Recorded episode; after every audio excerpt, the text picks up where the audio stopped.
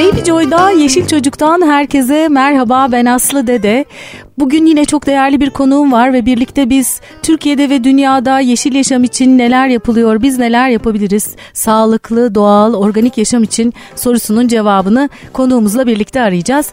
Bugün kim var? Siz onu e, Instagram'dan, sosyal medya hesaplarından alerjik anne diye tanıyorsunuz. Aynı zamanda Alerji Derneği'nin kurucusu. Bu alanda çalışıyor. O kadar güzel şeyler yapıyor ki ben çok saygı duyuyorum ve çok seviyorum. Öncelikle saygı duyuyorum ama. Ee, hoş geldin Özlem Ceylan. Çok çok teşekkür ederim. Aynı e, duyguları ben de hissediyorum açıkçası. Öncelikle bizi konuk ettiğiniz için çok çok teşekkür ediyoruz. Ve ben de Yeşil Çocuk ailesi olarak hepinizi gerçekten tebrik ediyorum. Çünkü doğal yaşamı, e, e, doğal beslenmeyi çok teşvik ediyorsunuz aileleri ve çocukları. Bu da bence hani önümüzdeki yılları, geleceğimizi çok etkileyecek, değiştirecek olduğuna inanıyorum. Çok teşekkür ediyorum sağ ol. Şimdi ben aslında e, seni e, besin alerjisi farkındalık haftası ile bağlantılı olarak davet etmiştim. E, bu hafta boyunca e, bu yayını biz daha önce kaydediyoruz. Pazartesi e, yayınlanacak ve bu hafta boyunca besin alerjisi farkındalık haftası. Ama öyle güzel bir şey oldu ki şimdi konuşacağız programda. Tam da bu haftaya denk gelen yeni bir kitap varmış. Ben bunu bilmiyordum. Ben aslında besin alerjisi farkındalık haftası ile ilgili konuşalım diye seni çağırmıştım. Önce bir haftayı konuşalım. Sonra onunla birlikte elbette kitabı da konuşacağız. Alerji dostu tarifler böyle karşımda duruyor kitap. evet. Şimdi besin alerjisi farkındalık haftası nedir? Neden böyle bir hafta doğmuş? Tabii bu arada seni tanımayanlar için sen neden alerjik annesin? Biraz onlardan da tabii, söz tabii. edelim. Yani çok kısa anlatmak gerekirse ben 43 yaşındayım ve e, alerjik bir bünyeyle doğdum ve büyüdüm. Zaman içerisinde bunun çok zorluklarını çektim. İşte besin alerjim nedeniyle 3 kez anaflaksi geçirdim. Acil serviste tekrar hayata döndüm. Anaflaksi dediğimiz bizim ölümcül olabilen ciddi riskli hızlı gelişen bir alerjik reaksiyondur. E, dolayısıyla e, ben alerjik bir bünyeyle yaşarken zannettim ki hani e, hani alerjinin en kötü yönünü gördüğümü düşündüm. Ama 2010 yılında çok alerjik bir çocuk sahibi oldum. Zaten genetik biraz sonra onu da konuşacağız. E, kendimiz e, bu genetik yatkınlığı da geçiriyoruz maalesef çocuklarımıza. E, ve Efe isminde bir oğlum olduktan sonra biz alerjinin daha da ciddi bir boyutuyla karşılaştık. Çünkü onun çok e, ileri seviyede bir besin alerjisi var. Hatta besin alerjisi kaynaklı nadir görülen eznofilik özofajit denilen e, zor bir hastalığı var. Şu an 9 yaşında ve 5 tane gıdayla beslenebiliyor. 5 e, gıdayla besleneyim. Evet. Sen tabii bu arada doktor gibi oldun o da tabii, ayrı. Tabii tabii yani tabii bize de ilk başta, başta işte eznofilik özofajit tanısı aldınız dedikleri zaman biz böyle şey oluyoruz. Ne? Nasıl yazılıyor? Nasıl okunuyor falan ama tabii ki öğreniyorsunuz. Bu bir tecrübe hayat. Ee, dediğim gibi biz bu hayatta çok zorlanırken işte hem fiziksel hem psikolojik hem sosyal yönüyle çok zorlanırken baktık ki e, bunu anlatmak gerekiyor. Yani e, kendimizi çok yalnız hissettiğimizi gördüm ve bunu işte alerjik anne ismiyle sosyal medyada anlatmaya başladım. O dönem işte bu e, işte mom blogger dediğimiz şey çok e, hızla gelişen bir e, furyaydı. Aslında benim amacım sadece ya bizim gibi çocuklar da var. Hani bizi de bakın görün işte hayat toz pembe değil aslında sosyal medyadaki gibi demekti aslında çıkış noktam bir isyandı. Yani alerji sadece basit, basit bir hapşırık değil işte basit bir cilt kaşıntısı değil e, şeklinde ortaya çıktı. Daha sonra gelişti gelişti gelişti baktım benim gibi binlerce anne var alerjik çocuk büyüten ve sorunlarımız çok ortak. E bunları da çözmemiz gerekiyor yani sadece sorunları söylemek yetmez. Çözüm yolları bulabilmek ve bunları gerçekleştirebilmek de çok önemli.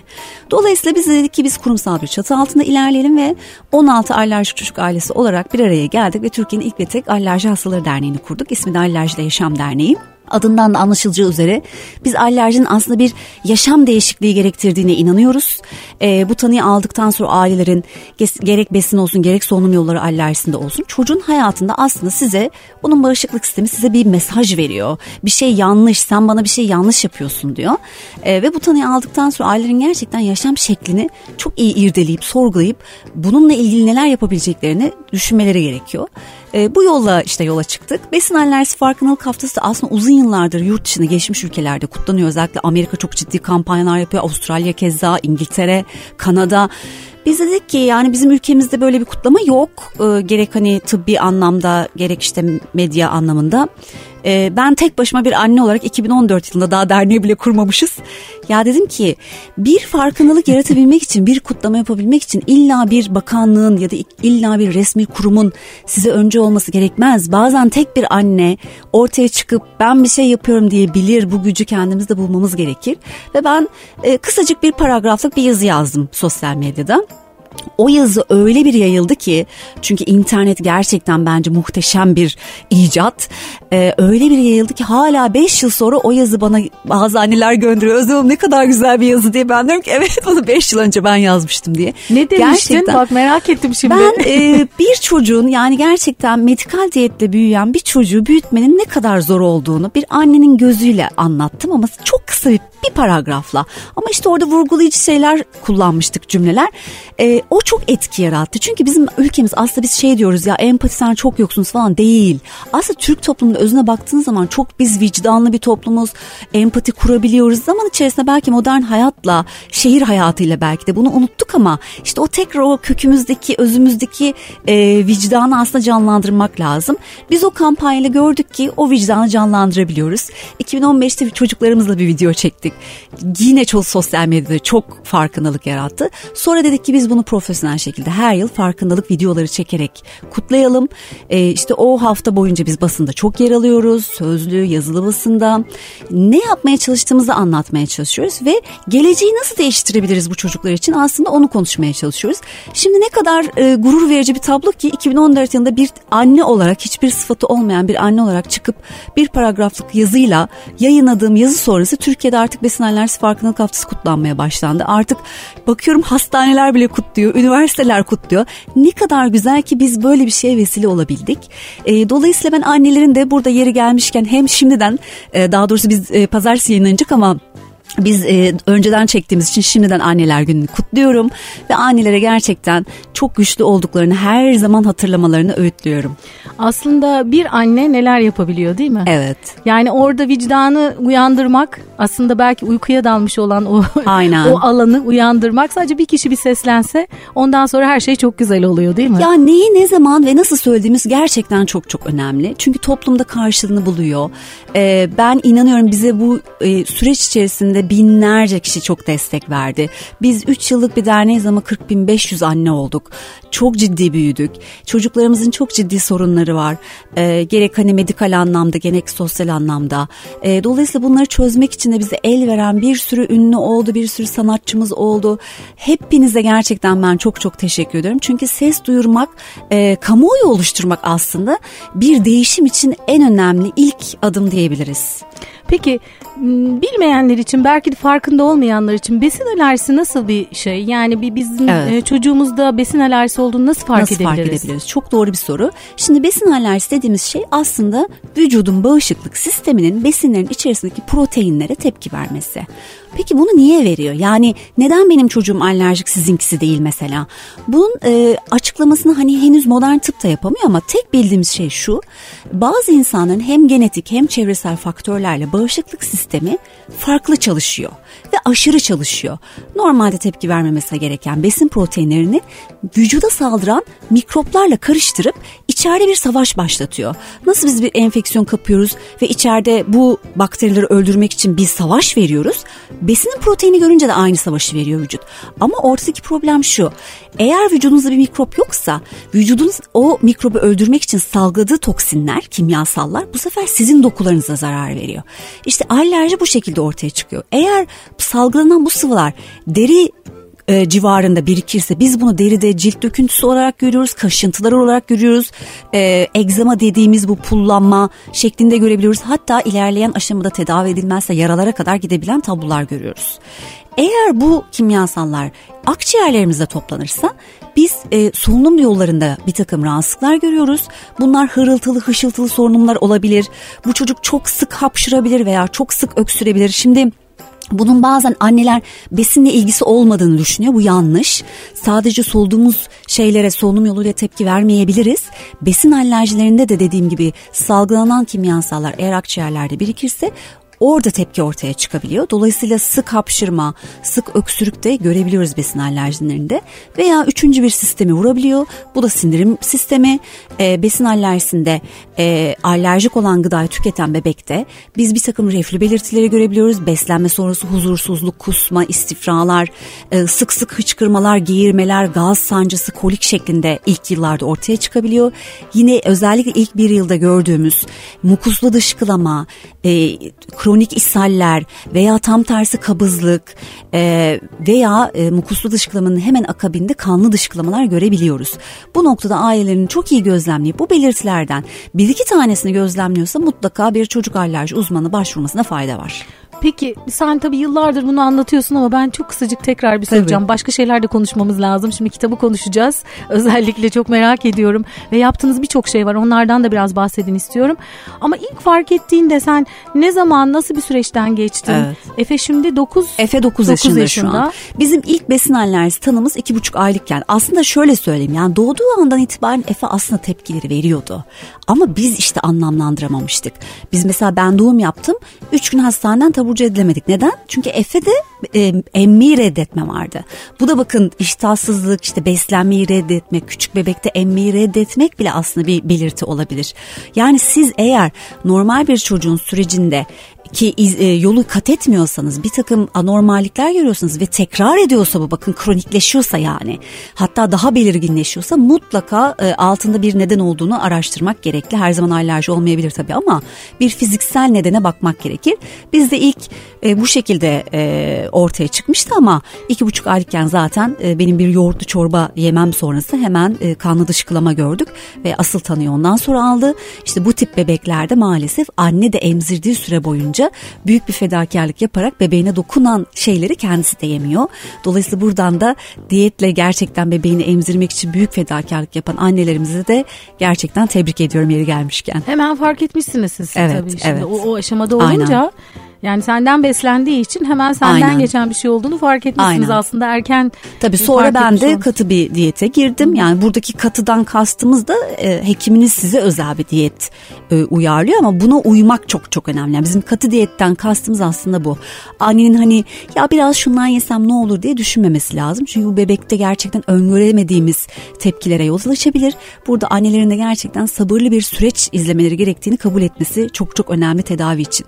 Peki sonra yemek yemeye başladığında? Sonra yemek yemeye başlıyor. Minik minik denemeler yapıyorsunuz. Şimdi normalde Efe aslında tabii ki bir ölçüt değil diğer tüm alerjik çocuklara. Çünkü Efe nadir hani bir çocuk. Ee, ama baktığınız zaman besin alerjileri özellikle inek sütü proteini alerjisi bizim en sık gördüğümüz alerji. Ee, baktığınız zaman aslında e, çocuğun hayatının ilk birkaç yılında çoğunluğu tolere edebiliyor. Yani neredeyse yüzde yüzde 85'i 3 ile 5 yaş arasında artık tolere etmeye başlıyor ve atlatmış oluyor. E, bu çocuklar normal insanlar gibi hayatlarını devam ettirebiliyor. Yaklaşık yüzde 10 yüzde 15 gibi daha ileri yaşlara veya ömür boyu sürebilen alerjiler de söz konusu tabii ki. Sizin ondan sonra devam ediyor. Aynen bizim devam etti. Sonra işte ilerledi bir ilaç alerjimiz ortaya çıktı. İşte kullanmak zorunda kaldığımız bir antibiyotik yüzünden maalesef daha işte ilerledi e, ve beslenmesi iyice kısıtlanmak zorunda kaldı. Ama dediğim gibi bu bir ölçüt değil. Aileler, ailelerin şunu çok iyi anlaması lazım. Bu hastalıkta erken tanı çok çok önemli her hastalıkta olduğu gibi. Siz tanıyı aldıktan sonra eğer bu çocuğun hayatına gerçekten gerekli düzenlemeleri yaparsanız işte dediğim gibi bu bir besin alerjisi ise diyete sadık kalmak çok önemli. İşte baktı, özendi, canı çekti birazcık tattırayım yapmamak lazım. Çünkü şunu hiçbir zaman unutmamak lazım. Çocuk tattığı şeyi beğendiyse tekrar isteyecektir. Ailenin burada taviz vereceği şeyi de çok çok hani e, iyi düşünmesi, iki üç kez düşünmesi gerekli. E, biz mutlaka diyoruz ki taviz vermeyin, e, diyetinize uyun zaten atlatacak bu çocuk. Siz o süreci hiç uzatmayın veya gereksiz alerjik reaksiyonlara hani Hep neden olmayın. Hep yanında mıydın? Hep yanındaydım. Hani iş hayatımı bıraktım. Pişman hani mıyım sen değilim. Yokken bir şeyler yapabilir. Tabii ki yani pişman mıyım değilim. Ee, yani ben annenin bir annenin gerçekten çocuğu için yapamayacağı fedakarlık olmadığını düşünüyorum açıkçası. Ee, tabii ki ben çalışan anneleri çok takdir ediyorum. Ee, ben kadının da gerçekten iş hayatında bulunması gerektiğine inanan bir insanım. Ama bizde işte olmadı çünkü gerçekten bakıcıya güvenemiyorsunuz, okula güvenemiyorsunuz, kreş ortamına güvenemiyorsunuz. Dolayısıyla hani böyle bir yol tercih ettik ama dedim ki ya ben çok çok üretken bir insanım. Yani böyle böyle de olmaz. Hani o okuldayken en azından bir şey yapabileyim. E, çok şey öğrendik, çok şey tecrübe ettik. Bunları paylaşmazsak haksızlık olurdu. Ben öyle inanıyorum. E, dolayısıyla işte 16 aile bir araya geldik dedik ya biz çok acılar çektik. Tanıda olsun, ilerleyen süreçte olsun. Bakın bundan 9 yıl önce besin alerjisi yani hiç bahsedilmiyordu bile. Hiç kimse bilmiyordu. Yani dolayısıyla biz e, o kadar kısa sürede çok yol kat ettiğimize inanıyorum. Ama bunlar da çok büyük fedakarlıkla oldu ve dernek o yüzden işte kaçınılmazdı. Yani hasta hakları savunucusu derneklerin gerçekten e, toplumda da sağlık sisteminde de çok büyük rolü var. Bunu gerçekten göz ardı etmemek lazım. Ya şimdi sadece bu olayla ilgili değil aslında genel olarak yaşama baktığımızda aslında çok güzel bir örneksin bence. Çünkü başımıza gelen olumsuz bir şeyi aslında biz nasıl olumluya çevirebiliriz? Onun içindeki hep derim ben dezavantaj sözcüğünün kendi içinde de deze attığın zaman avantaj, avantaj. kalır. Aynen. Dolayısıyla dezavantajın içindeki avantajı görebilmek aslında e, konusunda özellikle çok önemli bir örneksin bence. Şimdi birçok alanda bazen işte örnek alınacak bir davranış. Çok sağ ol. Yani bazen e, öne, önleyemeyeceğiniz şeyler geliyor başınıza. Yani artık adına ne, ne derseniz deyin. E, bu tip durumlarda iki tane seçeneğiniz var. Ya ona teslim olacaksınız. Gerçekten hani bütün gardınızı düşüreceksiniz, moralinizi bozacaksınız, depresyona gireceksiniz. Neden ben? Aynen neden ben sık pişmanlık, kendini suçlama bunları yaşayacaksınız. Bunları yaşamadım mı yaşadım dibine kadar ama bir gün kendime dedim ki ya bunun bana ne faydası var her şeyin çocuğuma ne faydası var. Yani çocuğunuz için bakın en önemli yapabileceğiniz şey ona nasihat vermek, öğüt vermek değil, ona güzel bir rol model olabilmek. Sizi güçlü gören çocuk yıkılmaz. Sizi mücadeleci gören çocuk işte ne bileyim rahat bir insan olmaz, o da mücadeleci olur. Çünkü size bakarak öğreniyor birçok şeyi. Biz mesela bu dernekleşme sürecinde Efe'yi hep dahil ettik. Bütün sosyal sorumluluk projelerimizde geldi çalıştı gönüllü olarak. Neden? Çünkü ben o bilinci ona küçükken zaten aşılamak istiyorum. Yani böyle büyüyen çocuklar bakın biz mesela en çok benim e, ülke olarak rahatsız olduğum şeylerden bir tanesi e, gelişmiş ülkelere çok üzeniyoruz. Bütün teknolojilerini alıyoruz hemen anında daha orada bir film çıkıyor hemen biz cumasında burada izliyoruz. Orada bir yeni bir teknolojik cihaz gelişiyor burada hemen gidip alabiliyoruz. Çok güzel ama e, Amerika'ya örnek verelim. Amerika'da mesela sosyal sorumluluk yapmayan bir insan ben size bir şey söyleyeyim mi? İş görüşmesinde mümkün değil elenen bir aday oluyor. Yani siz sosyal sorumluluk olarak ne yaptınız diyor size işveren. Sen gönüllü olarak gidip çalıştın mı diyor. Kime ne faydan dokundu diyor. Bakın bunları soruyor size işveren. Senin birey olarak bu topluma nasıl Tabii, faydan oldu? Aynen yani sen kendin için çok çalışmış olabilirsin. Okey ama sen bu ülke için, e, dezavantajlar için, gelecek için ne yaptın diyor. İşe yarar ne yaptın bana diyor onu göster. Şimdi biz toplum olarak zannediyoruz ki derneklere yardım etmek eşittir bağış yapmak. Hayır kesinlikle değil. Ben bu işin içine girdikten sonra gördüm. Çok ciddi bir emek gerekiyormuş. Ee, çok açıkça söyleyeyim paradan çok emeğe ihtiyacınız varmış. Sesinizi duyurmaya ihtiyacınız varmış. Kamuoyu oluşturmaya ihtiyacınız varmış. Dolayısıyla biz herkese de gerçekten çağrı yapıyoruz her derneğe kime isterseniz gidin ama destek olun. Bu gerçekten toplum olarak bu bilinci aşılamamız lazım. Annelerin de başına kötü bir şey geliyorsa gerçekten e, o gardını düşürmeden ben yapabilirim demesi lazım. Aslında hepimizin içinde o enerji var. Bazen anneler bana diyorlar ki çok güçlüsünüz Özlem size çok özeniyoruz. Ben diyorum ki ben de senin gibiydim hiçbir farkım yoktu. Sadece tek e, belki farkım o adımı atıp ayağa kalkabilmekti. Ondan Belki sonra... ilk sesi çıkarabilmekti. Evet. Yani bu kadar. Ondan sonra yanında zaten bir sürü insan tabii, olmaya başladı tabii. değil mi? Çünkü aynı derdi paylaşan Aynen. insanlar zaten bir araya geldikleri zaman birlikte daha güçlü oluyorlar. Aynen. O yüzden ama son dönemde ben Türkiye'de bu konuda çok olumlu gelişmeler olduğunu düşünüyorum. Hakikaten artık elimizi taşın altına koyuyoruz. Merak ediyoruz, harekete geçiyoruz. Yerimizde oturmuyoruz. Aynen. Ee, dolayısıyla bundan sonra her şey çok güzel olacak diye düşünüyorum. İnşallah. Yani ben sorunların gerçekten sadece yerimizde oturarak, söylenerek, işte şikayet ederek çözülebileceğine inanmıyorum. Onu gördüm kendi hayatımda. Ben de Efe'nin ilk iki yılında çok kızıyordum. İşte şunu yapmıyor toplum, bana karşı işte anlayışsızlar, işte bizim diyetimizi anlamıyorlar. İşte bizi okullar mesela kabul etmiyor. Niye okullar kabul etmiyor? Sonra dedim ki ya Özlem bunları değiştirebilecek olan sensin. Önce bir sorunlarını anlat. Sonra da çözüm yolları geliştir ve ortaya koy. Yani bunu çözebilecek olan biziz. Bakın bizim birçok okul e, okul öncesi kurum kreşler bizim çocuklarımızı kabul etmiyordu. Neden? Şimdi bizim çocuklarımızı özel bir beslenme gerekiyor. İşte bir kısmı çok ciddi alerjik reaksiyonlar gösterebiliyor. Hızlı, ani gelişen, hani Allah korusun ölümcül olabilen. E, dolayısıyla okullar bu riski almak istemiyor. Diyor ki yani ben hiç kayıt etmeyeyim daha iyi. Tamam çok güzel senin açından bakıldığı zaman çok güzel ama bu çocuklar nereye gidecek? Yani biz onları dışlayarak çemberin dışında tutarak ne kadar idare ettirebiliriz? Bakın bugün artış o kadar ciddi ki besin alerjisine her 17 çocuktan bir tanesine besin alerjisi var. Bu çok ciddi bir artış. Bakın bu her sınıfta bir çocuk demek. E biz bunları ne kadar dışarıda tutabiliriz çemberin dışında?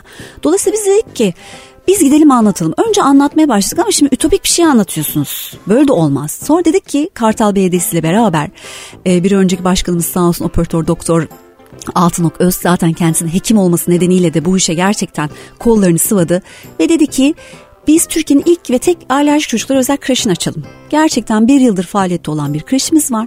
Bu kreşte her şey alerjik çocuklara göre. İçerideki ortam, içerideki hava, içeride pişirilen yemekler ve biz gördük ki çok aslında siz gerekli tedbirleri alırsanız çok sağlıklı çocuklar yetiştirebiliyorsunuz. Bu çocukların iyileşme süresini belki kısaltabileceğiz. Çünkü atak dönemlerini azalttık. Dolayısıyla bizim aslında nasıl bir toplum, nasıl bir gelecek yetiştireceğimiz aslında bugün şu anda bizim elimizde. Bunu evet. da iyi kullanmak lazım. Şimdi bir ara vereceğiz ama şunu aslında söylemek istiyorum. Aslında belki de besin alerjisi bir hastalık değil belki de. Şimdi yani o, şöyle o, bakarsak. O da çok karışık bir şey. ee, şimdi aslında tıpta tabii ki bir uzmanlık alanı. O yüzden hastalık değildir diyemiyoruz. Hani hekimler teşhis tanısını koyuyor, tedavisini yapıyor ama bulaşıcı hastalık değildir demek belki. Ya da ben aslında bunu m, bilimsel olarak söylemiyorum. Sadece algı olarak söylüyorum. Bir farklılık. Eğer evet. e, yaşam biçiminizde gerekli değişiklikleri yaparsanız böyle bir şey ortadan belki de kalkıyor. Yani etkileri kalkıyor. Ha, Dolayısıyla çok, bir çok hastalık doğru bir şey. olmuyor artık. Yani şöyle bir şey. Aslında, Algısal olarak. Aslında alerjik doğarsanız alerjik e, büyüyorsunuz, alerjik olarak hayatınızı devam ettiriyorsunuz. Ama siz eğer size tetikleyen maddelerden uzak kalırsanız, hayatınızı gerçekten daha doğala, daha organiğe çevirirseniz, evet o ataklarınızı kontrol altına almış oluyorsunuz. Yani siz ona hükmetmeye başlıyorsunuz. Artık o sizin bedeninizi hükmetmiyor. Siz ona diyorsunuz ki ya bak benim hayatım sağlıklı, ben suyumu içiyorum, ben sporumu yapıyorum, ben uykumu alıyorum çok iyi, sigara kullanmıyorum, işte doğayla daha iç içe e, yetişiyorum ve çocuklarımı da o şekilde yetiştiriyorum. İşte o zaman ataklarınız azalıyor. Sizin o geniniz dursa bile yerinde atak yaşama riskini azaltmış oluyorsunuz. Aslında şimdi siz böyle anlatınca benim aklıma şöyle bir şey geliyor aklıma. Bu sadece besinlerle ilgili değil ki. Her şey Aslında için, her şeyle ki. ilişkilerle ilgili yaşadığımız şeyleri belki yani bütün hayata bu bakış açısını yaydığınız evet. zaman aslında belki de daha az zarar göreceksiniz. Yani, yani tabii ki tecrübeler yaşayacağız, yaralar alacağız. Ama e, yani bize zarar veren şeylerden Aynen, uzak, uzak durmayı durmak. öğrenmek çok Kesinlikle. önemli. Yani bu diyet bence hayatın bir numaralı diyeti olmalı. Yani evet, evet. sizi üzen, sizi mutsuz eden, bu bir kişi olabilir, bu bir iş olabilir, bu bir meslek olabilir, bu bir okul olabilir. Ya neyse, her neyse öyle söyleyeyim. Uzak durmak gerçekten hayatınız için yapabileceğiniz en güzel diyet öyle söyleyeyim. Evet. O yüzden de bu çocuğa da bunu e, hem Aşılamak besille lazım. hem de davranışlarla yani genel hayat felsefesi olarak aslında aktarmış oluyoruz. Dolayısıyla çok büyük avantaj bir taraftan bakıldığında. Belki de pek çok çocuğun yaşayamayacağı bir avantaj. Ya işte biz mesela e, şöyle söyleyeyim ben size çok enteresan. Biz e, işte beş besin yiyebiliyor dedim değil mi? Sizin şimdi büyük bir ihtimalle bizi dinleyen herkesin gözünün önünde böyle Afrikalı çocuk gibi bir şey gelecek gözünün önüne. e çünkü şimdi düşünün kabak, pirinç, muz, e, patates havuçla yaşayan bir çocuk. Ekmek daha yemiyor düşünün. Hiçbir hmm. hayvansal protein almıyor. Şimdi düşünürseniz böyle gözünüzün önüne Afrikalı bir çocuk gibi bir şey gelecek. Ama Efe çok başarılı, okulunda çok başarılı. Yani en son devletin yaptığı Bilsem Üstün Yetenekler sınavını kazandı. Ee, kendi gittiği kurslarda çok aktif başarı belgeleri alan bir çocuk. Ee, ne fiziksel olarak ne psikolojik olarak sosyal olarak arkadaşlarından geri değil. Tam tersi önde. Ya ben bakıyorum sınıfında en az hastalanan çocuk. Neden? Çünkü hazır gıda yemiyor. Evet. Çünkü çünkü suni şeylerden uzak bir hayatı var. O daha doğala yöneldi. Evet limitli mi? Limitli ama daha doğal. İşte bu çok çok çok önemli bir bariyer aslında. Bakış açısını değiştirdiğiniz zaman her şey değişiyor. Aynen. Yani bu çok öyle güzel anlatıyorsun ki ya hakikaten işte tam da bu haftada çok güzel bir kitap yayınlandı. Biraz o kitaptan söz edeceğiz ama öncesinde biraz daha şeyden söz etmek istiyorum açıkçası. Siz e, Türkiye'deki ilk alerjik besin alerjisi olan çocuklara özel kreşin e, kurulmasına da danışmanlık ettiniz. Evet. Nasıl bir kreş, kreş bu? Yemekler nasıl hazırlanıyor? Hı. İşte Efe biliyorum ki 5 gıdayla beslenebiliyor ama oraya başka çocuklar da geliyor. O denge nasıl sağlanıyor? Tabii. Şimdi e, dediğim gibi Kartal Belediyesi tarafından inşası yapıldı ve şu an işletiliyor. Biz gönüllü olarak danışmanlığını yapıyoruz. E, öncelikle zaten daha inşaat aşamasından bakın başladı. Biz malzemeleri seçerken İçerisinde ne kimyasallar kullanılıyor, çocuklara zararlı herhangi bir boya, cila var mı? Bunlara çok dikkat edildi. E, gerçekten ben burada yeri gelmişken e, Enif Yavuz Dipşar bizim oradaki kreşler müdürümüzdür. Çok teşekkür ederim kendisine. Gerçekten gece boyunca sabahlamıştır böyle kaç gece boyunca. E, her şey onlara özel seçildi. İçeride hiçbir halı yok. Şimdi bakın halı dediğimiz şey Çocuklar için aslında mikrop yuvası. Kreşlerdeki o halılar doğru düzgün temizlenmiyor. İçlerinde her türlü mikrop, ev akarı ürüyor. Ve bu sadece alerji değil aslında enfeksiyonlara da bir zemin hazırlıyor. Dolayısıyla biz içeride hiçbir tekstil yüzey yapmadık. Perdemiz yok. Tamamen e, camlar kendinden yalıtımlı e, ışık geçirmiyor dolu yani ışığı kontrollü geçiriyor. E, içerideki havalandırma HEPA filtreli. Sınıflarımızda hava temizleyici cihazlar var. Neden? Çünkü Türkiye'nin havası zaten temiz değil. Bakın biz İstanbul'da Dünya Sağlık Örgütü'nün verdiği sınır değerin üç buçuk katı kirli bir hava soluyoruz. Üç buçuk katı neredeyse. E, havada gezen partiküller özellikle küçük çocuklarda daha henüz solunum yolları olgunlaşmamış çocuklarda maalesef çok sık enfeksiyona da neden oluyor. Astma da neden olabiliyor. Özellikle alerjik bünyelerde. Biz dolayısıyla şimdi hele ki kışın çok dışarıya çıkamadığınız dönemlerde yağış nedeniyle e, mecburen içeride geçirdiğiniz vakit arttığı zaman mutlaka hava temizleyici kullanmak durumundasınız ki çocuk temiz hava soluyabilsin. Bu çok çok önemliydi. E, çok güzel bir bahçemiz var. Orada organik tarım yapabiliyor çocuklarımız. Kendileri ekip biçiyorlar. Ya toprakla oynamayı unuttu bizim çocuklarımız. Yani biz burada onları onları tekrar hatırlatmaya çalışıyoruz. Keza mutfağımızda biz şefimize bir eğitim verdik. Yaz boyunca geçtiğimiz yaz boyunca ve Eylül'de açılan okulumuzda bu çocuklarımızın süt, yumurta alerjisi var çoğunun. E, dana et alerjisi olanlar var. Dolayısıyla mesela bizim daha sağlıklı da olduğuna inandığımız kuzu eti yeniliyor.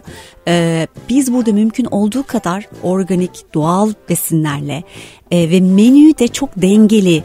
Yani sadece hamur işleri, sadece tatlılar değil. Bakın biz bu kreşte çok güzel bir şey koyduk tekrar hani menüye. Salata koyduk. İlk haftalar çocuklar gerçekten evde belki de beslenme alışkanlıklarından dolayı alışık olmadıkları için yemeği reddettiler. Ama birkaç hafta sonra biz baktık ki biz bu algıyı kırdık. Şimdi çocuklarımız salata yiyorlar ve bitiriyorlar tabaklarında. Bakın e, işte çocuktur istemez. Çocuk hamburger sever. İşte kızarmış patates sever. Bunlar aslında bizim ön yargılarımız. Çocuğun aslında böyle bir talebi yok. Ona bu seçenekleri biz sunuyoruz yetişkinler olarak. O yüzden biz ona ne verirsek aslında onu sevecek. Biz neden mesela ek gıdayı işte elinde bir sebze geçen e, geç, sebzeyle beraber başlayan çocukları görünce şaşırıyoruz. Aslında normali bu olmalı zaten.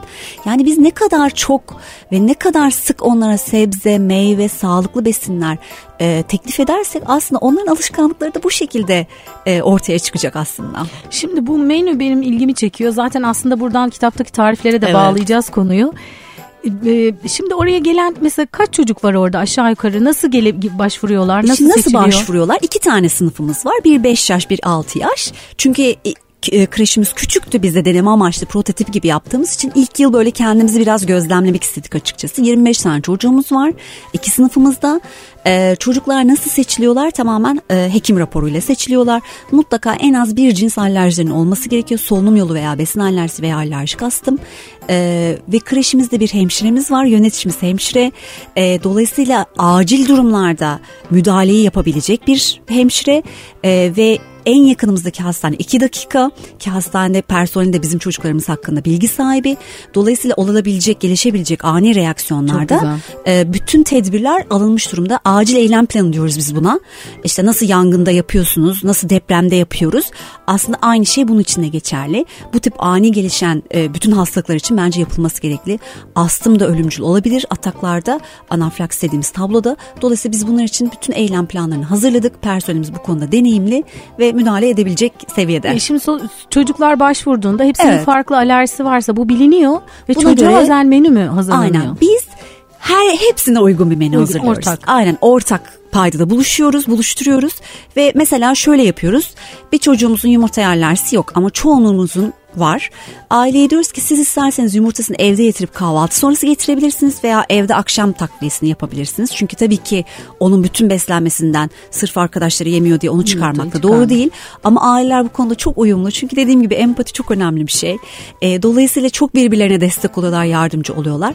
Bizim yemeklerimiz ortak paydada e, gerçekleşmiş oluyor. Şimdi e, devam ediyor değil mi o kreş şu Tabii anda? tabii devam ediyor. Devam Önümüzdeki ediyor. yılın e, kayıtlarını da Haziran ayında açıyor olacağız. Çok güzel, harika. Umarım bunlar daha çok yaygınlaşır. İnşallah. Bu Biz bir pilot istiyoruz. pro- proje gibi aslında Aynen. örnek bir proje. Şimdi bize eskiden diyorlardı ki işte bu bahsettiğiniz okul yapısı ütopik. Şimdi diyoruz ki hayır var. Oldu Bakın bir işte. yıldır çalışıyor ve çocuklar çok mutlu, aileler çok mutlu, e, personelimiz çok mutlu. Hani e, Kartal Belediyesi bunu başardı. Onları tebrik ediyoruz gerçekten bu özverili emeklerinden dolayı. Dolayısıyla biz diyoruz ki aslında bunu her belediye yapabilir, her özel kurumda yapabilir. Evet. E, Milliyetin Bakanlığımız da yapabilir. Evet. Yani aslında biz bu amacımız onları böyle ayrılaştırmak, öze, hani izole etmek değil toplumdan. Onlara uygun koşulları yapmak, yaratmak kolay. Hani yeter ki biz o adımı atabilelim. Şimdi aslında bu kurulan ilk kreş ilk olması açısından önemli. Fakat bu tür işlerin sürdürülebilir olması, Olması. çok daha önemli. Evet. Yani siz bütün her şeyi hazırlayabilirdiniz. Başlardı. Çünkü o menüyü o şekilde devam ettirebilmek e, ve benzeri birçok şey e, onun sürdürülebilir olmasını biraz zorlayan e, şartlar gibi gözüküyor dışarıdan. Dolayısıyla o aslında tabii bir süre sonra Çok ciddi rutine emek. girdiği zaman Aynen. e, tıpkı sizin 9 yıldır bunu rutine aldığınız Aynen. gibi e, zaten artık e, çok zor bir şey olmayacaktır o. Aynen aynen. Yani dediğiniz çok doğru bir şey. Sürdürülebilir. Şimdi bakın mesela Türkiye'deki bir problem de şu. Projelerimizi sürdüremiyoruz biz. Yapıyoruz. Büyük çok ses getiriyor. başlıyor. Aynen sonra çöpe atılıyor. Evet. Yani projeler mezarlığı diyorum ben. Ee, burada sürdürülebilir olması çok çok önemli. Biz dediğim gibi biz seneye de kaydımızı alacağız. Ondan sonraki seneye de inşallah ondan sonraki seneye de. Burada işte bakış açısı çok önemli. Dediğiniz gibi başta ko- koyulan standartları tutturabilmek çok çok önemli. Biz o yüzden zaten gönüllü danışmanız ve sürekli gidiyoruz. Hemen hemen her hafta oradayız. Personelin bir ihtiyacı varsa, bir eğitim ihtiyacı varsa, herhangi bir velinin şikayeti, bir e, sorunu varsa mutlaka çözmek için de elimizden geleni yapıyoruz. E, dört tane de orada stajyerimiz var bizim e, bir üniversitenin psikoloji bölümünden. E, son sınıf öğrencileri orada gönüllü olarak çalışıyorlar. Hem çocuklarımızla oyun terapisi yapıyorlar, hem velilerin şikayetlerini dinliyorlar, onlara yol göstermeye çalışıyorlar. Dolayısıyla dediğim gibi biz orada e, bir imkansızı başardık ama bunun da gerçekten e, rol model olabileceğine inanıyoruz. Evet, diğer bütün belediyeleri, bütün okulları e, bu örneği incelemeye davet ediyoruz. Evet, evet, aynen Çünkü burada öyle. yapılmışı var. Aynen. Örnek bir çalışma nasıl yapacaklarını siz zaten orada hepsini Ya bir yeter ki istek olsun. Şunu da gördük biz. Çok büyük maliyet gerekmiyormuş. Onu gördük.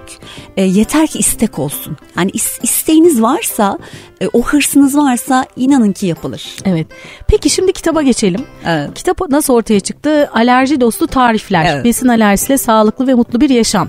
Biz böyle bu savaş kelimelerini çok sevmiyoruz. Böyle hastalıkların yanına konulan savaş, mücadele vesaire. Yani mücadele hadi belki ne- neyse ama şimdi sizin vücudunuzda bir hastalık gelişiyorsa hele ki bağışıklık sisteminiz bunun e, başlangıç noktasıysa siz bununla savaşamazsınız. Siz bununla yaşamayı öğrenmeniz ve onunla inatlaşmak yerine e, onun nasıl suyuna gidebilirim de ben onu kızdırmadan onunla iyi Uzlaşma. geçinebilirim. Aynen uzlaşma çok doğru kelime. sıkışacaksınız. Yani aynen biz de onu diyoruz. Yani inatlaşmayın. Ya mesela bazen aileler şey diyor ya ben inadına veriyorum ki alışsın vücut. Hayır böyle bir şey yok.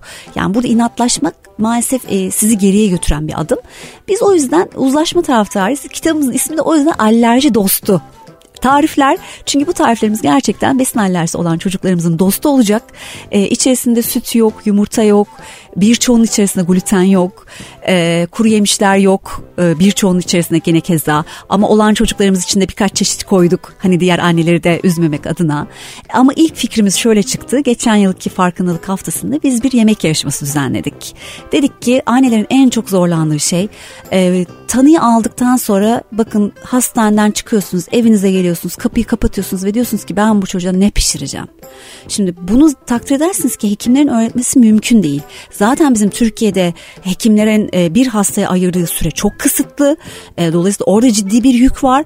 E, artan vakalar oldukça da sağlık sistemine ciddi bir yük biniyor. Bize dernek olarak dedik ki biz bu yükü nasıl hafifletebiliriz? Onlar sadece diyor ki şunu şunu verme. Tabii. E tam onları nasıl ötekileri nasıl bir araya E Şimdi getireceğiz? eve geldiniz düşünsenize süt yok, tereyağı yok, yumurta yok, kek yapacaksınız bu çocuğa. Hadi bakalım nasıl yapacaksınız? Yani biz rafine şeker de kullanmıyoruz bu arada. Çünkü rafine şekerin gerçekten sağlık üzerine çok olumsuz etkileri olduğu Hepimiz artık için. bilimsel olarak kanıtlandı. Dolayısıyla biz çocuklarımıza rafine şeker de vermiyoruz. E şimdi nasıl kek yapacaksınız? Hem tatlı bir şey olacak, şeker yok, e, yumurta yok nasıl kabaracak? E bir de sağlıklı yapmak istiyorsunuz. Yani öyle içine biz kimyasal katkı maddeleri de koymuyoruz. Lezzetli de olması lazım. Ha, bir yandan çocuğun şimdi hem görsel olarak göze hitap edecek hem işte e, damağa hitap edecek. E, dolayısıyla bi- biz yıllardır zaten anneler olarak uğraşıyorduk ve bir takım tarifler ortaya çıkarıyorduk. Dedik ki bunu annelere gösterelim. İşte geçenki yemek yarışmasının amacı buydu. Çok güzel lezzetli tarifler de yapılabiliyordu. E, orada jürimiz vardı. Jürimizde hekimler vardı. Bir ünlü şefimiz vardı. Ünlü dizi oyuncularımız vardı. Yedikleri zaman şok geçirdiler. Dediler ki bunlar çok lezzetliymiş. Biz de dedik ki biz bütün topluma gösterelim. E, gerçekten bu kitapta oradan toplanan tamamen annelerin saatlerce mutfakta zaman harcayarak kendileri yaratıp geliştirdikleri tarifler. Bunları toplayıp bir araya getirdik. Bir kurul tarafından denetimden geçti. Bunun içerisinde çocuk alerji uzmanı, çocuk beslenme uzmanı, gıda mühendisi de var. Dolayısıyla bizim de çok severek, çok inanarak, e, çok mutlu olarak ortaya çıkardığımız bir kitap haline geldi. 13 Mayıs'tan itibaren de kitapçılarda yerini alacak. Peki birazcık içindekilerden bahsedebilir Tabii miyiz? Ki. 175 tarifimiz var. Ee, bir- 175. Evet 175 tarifimiz var. Ee, içerisinde işte kahvaltılıktan tutun atıştırmalar. Çünkü bizim annelerimiz nerede en çok zorlanıyor? Şimdi dışarı çıktınız, parka gittiniz. Herkesin elinde bir besin var. Çocuk görüyor, özeniyor, istiyor. Ee, dolayısıyla sizin hep bir, bir alternatif sunmanız lazım. Bir doğum günü partisine gittiniz. Çocuk bir şey görüyor, orada özeniyor. İşte cips görüyor veya işte kendisini hiç tüketemeyeceği bir sütlü pasta görüyor değil mi? Süt kremalı pasta görüyor. Biz bunların hepsini sütsüz de yapabildik. Bunu ispat ettik bu kitapta. Dolayısıyla bu çocuklar aslında hiçbir şeyden mahrum değil. Sadece malzemeleri değiştireceğiz. Aslında çocuk orada zaten şeye bakmıyor ki. Hani içinde süt var mı yok mu yumurta var mı? O onu ilgilendirmiyor. O görüntüsüne ve lezzetine bakıyor. Dolayısıyla biz de annelere dedik ki siz malzemelerle değişiklik yaparak aslında bu çocuğun çok mutlu olabileceği menüler tasarlayabilirsiniz, yapabilirsiniz. Ve dedik ki bu bir son değil, bu kitap bir başlangıç. Bize sürekli dedik tariflerinizi gönderin. Siz de cesaret toplayın, mutfağa girin. Yapamam demeyin. Mesela bizim tarifimizde bir yeri gördünüz size uymuyor. Değiştirin, tekrar yaratın. Bize gönderin, biz onları paylaşacağız. Bir sosyal medya hesabı açtık sırf bu iş için. Öyle mi? Dedik ki orada binlerce tarif türesin, e, bir araya gelsin. Nedir adres? O da aynı isimde. E, alerji, Alerji dostu, dostu tarifler. tarifler. Evet bize anneler tariflerini gönderebilirler. Biz onları çoğaltarak belki bir ikinci kitap, belki ciddi bir dijital arşiv Ay, haline çok getireceğiz. Güzel, bu çok güzel bir şey. Böylece kimse tanıyı aldıktan sonra ya ben bunu da nasıl yapacağım diye düşünmeyecek. Artık elinde her şey olan bir kitabı olacak, bir dijital platformu olacak. Aynı zamanda hekimler e, reçetelerine de yazabilir. Tabii aslında şöyle söyleyeyim biz yani bu reçete kitabı derken Tabii, sonuçta tabii. e, Aynen. referans verebilir. Tabii tabii şöyle söyleyeyim biz bu kitabın ilk duyurusunu da hekimlerimize yaptık. Neden? Çünkü tanıyı koyan ilk hekimlerimiz Tabii. bizler için çok çok kıymetliler.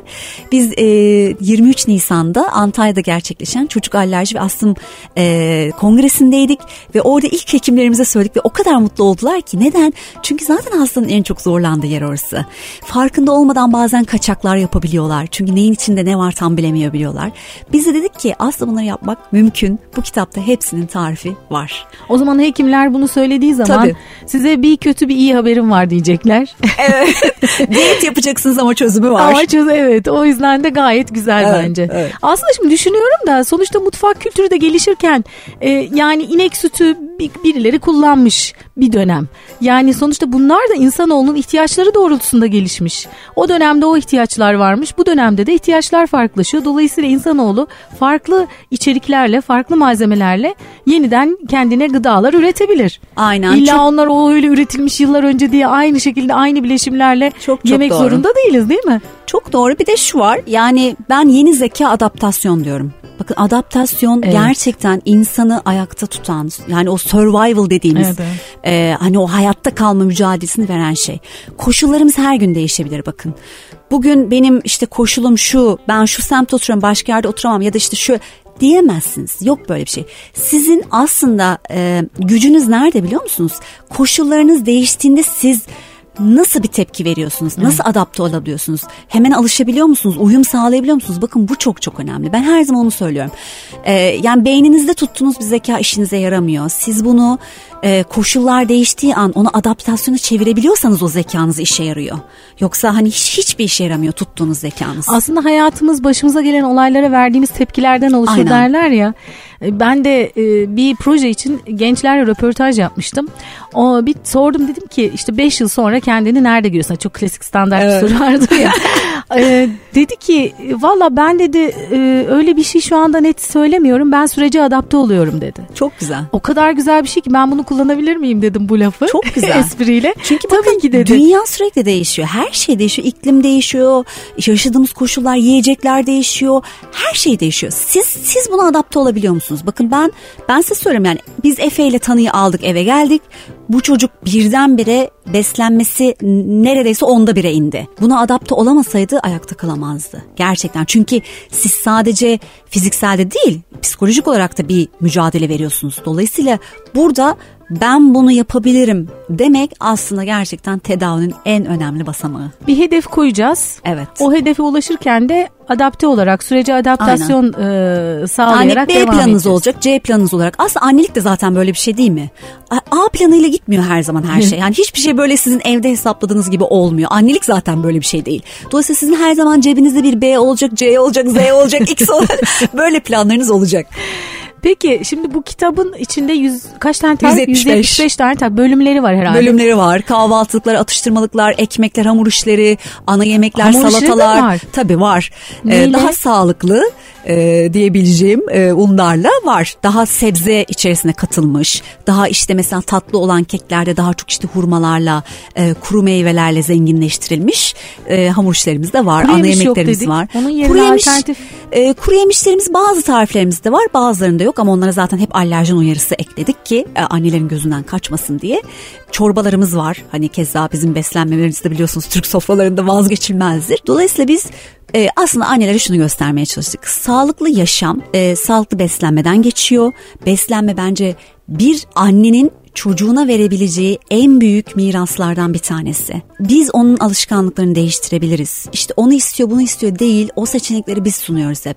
Dışarıda gidip biz bir cips paketi alıp veriyorsak eline ve tekrar istiyorsa bu çocuğun suçu değil. Biz tanıştırdık bu aslında bizim suçumuz.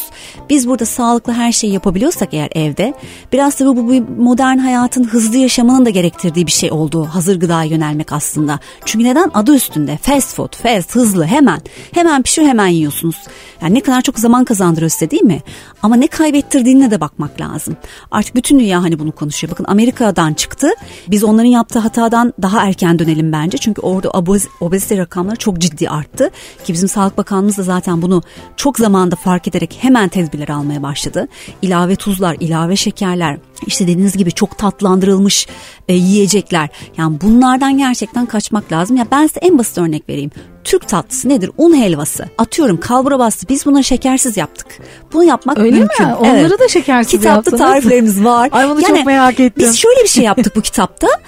E, gidip böyle yabancı bir kitabı çevirmek yerine çünkü biliyorsunuz yabancıların e, beslenme tarzı zaten bize hiç uygun Farklı. değil. Böyle yayınlar çok var.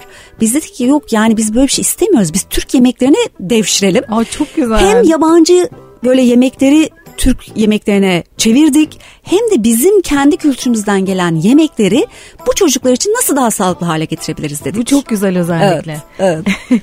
E tabi bir de şeyi söyle- e, dinlerken aklıma geldi. Çocuğun o cipsi yiyememesinin aslında başkası yerken onun yiyememesinin bir mutsuzluk nedeni olmayacağını Olmaması, aynen. ona anlatmak sanırım çok önemli. Çok önemli. Yani elbette aynı anda birlikte aynı paketin içerisinden bir şey yemek bir paylaşım duygusu açısından e, faydalı olabilir.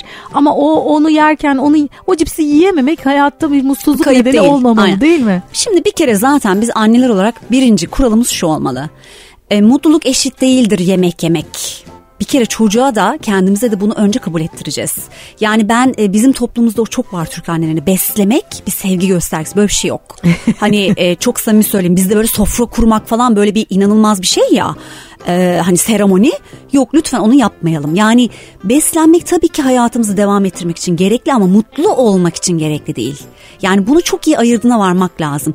Siz eğer bir besini çocuğa mutluluk kaynağı olarak tanıtıyorsanız bir kere zaten biz burada başta hata yapıyoruz. Çünkü bu çocuk büyürken ergenliğe girecek, arkadaşlarıyla sorun yaşayacak, ileride evlenecek, belki eşiyle sorun yaşayacak, işinde sorun yaşayacak. O zaman mutluluğu hep besinde bulmaya yönelir. Ve dolayısıyla ne olur? İşte obezite kaçınılmaz olur. Biz mutluluk eşittir besin yapmıyoruz. Yani besin bizim için gerekli ama hani mutluluk kaynağı bu değil. Biz mutluluk kaynağı olarak hep sevgiyi göstermeye çalışıyoruz çocuklarımıza ki işte o zaman zaten kendilerini yoksun hissetmiyorlar. Yani Efe gelip ağlamıyor hüngür hüngür ben bugün işte okulda köfte çıktı da yiyemedim diye. Neden? Çünkü mutluluk kaynağı o değil. Mutluluk kaynağı onun için arkadaşlarıyla aynı sofrada oturmak, o sofrada yemek yerken o farklı bir şey yiyor olsa bile muhabbet edebilmek, onun keyfine varabilmek. Bakın işte bu, bu mutluluk kaynağı. Aslında bizim o kurduğumuz sofralarda kaç çeşit olduğu önemli değil. Paylaşmak. Bizim orada aynen ettiğimiz muhabbet aslında bizim hoşumuza Tabii. gidiyor. Hı-hı. İşte bunu çocuklara yansıtmak çok önemli. Çok teşekkür ederim. Aslında o kadar güzel anlatıyorsun. Rica ederim. Böyle rica saatlerce ederim. dinlemek istiyorum. İnşallah bir başka programda yeniden İnşallah. konuşuruz. Ee, çok güzel bir kitap duruyor elimde. Alerji dostu tarifler ve görüyorum ki bu çok daha güzel yerlere gidecek, genişleyecek. Belki bir sürü tarif olacak evet. daha. Hepimizin katkısıyla e, her şey güzel olacak diyoruz. Aynen. E, özellikle alerjiyle yaşayan aileler, aileler için, için, insanlar aynen. için. E, yani çaresiz hissetmesinler, bizi arasınlar, elimizden geldiğince destek olalım. E, tanıyı aldıktan sonra da ben nasıl besleyeceğim diye o endişeyi yaşasın istemiyoruz anneler. Artık bir kitapları var. Baksınlar anlamadıkları noktada gene bize alo desinler. Her zaman yanlarındayız. Yani ben onu söylüyorum. E, ben 9 yıl önce çok yalnız bir anneydim. Efe'yi büyütürken çok yalnız bir anneydim. E, 9 yıl sonra istiyorum ki o Özlem ne istiyordu, ne, neye ihtiyacı vardı? Bir başka anne için olmak istiyorum. Şimdi gözlerim dolacak biraz sonra. Ağlatmayalım. ee, nasıl ulaşacaklar? Alerji Derneği org.tr web sitemiz. Ee, yine e, telefon numaramızdan, sosyal medya hesaplarımızdan Alerji Derneği, Alerji Yaşam Derneği sosyal medya hesaplarımızdan bizleri takip alabilirler, bize ulaşabilirler, e-mail atabilirler info at alerjiderneği.org.tr'ye elimizden geldiğince destek olmaya çalışırız. Zaten alerjik anne en kolay evet. kalan. Evet. ee, alerjik anne hesabından da sana ulaşabilecekler. Kitaplara her yerden ulaşabiliyorlar evet, değil mi? Bütün kitapçılarda ve online kitap satış noktalarında bulabilecekler. Ayağına, emeğine, nefesine, enerjine, cesaretine sağlık. Aa, çok teşekkür ediyorum. Ee, ben çok çok tebrik ediyorum. Yeşil Çocuk e, adı altında yürüttüğün tüm etkinlikleri gerçekten çok beğenerek izliyorum. Ve gerçekten birçok insana da örnek olmasını istiyorum. Ailelerin artık daha doğayla barışık, daha özümüze dönen çocuklar yetiştirmesini diliyorum. Çok teşekkürler. Rica ederim. Efendim bir Yeşil Çocuk programı yine sonuna geldik. Ben Aslı Dede. Bize nasıl ulaşabilirsiniz? www.yeşilçocuk.com web sitemizin adresi. Sosyal medyadan Yeşil Çocuk yazarak bize ulaşmanız mümkün. Bir sonraki Yeşil Çocuk programında Baby Joy'da yeniden buluşmak üzere. Yeşil kalın.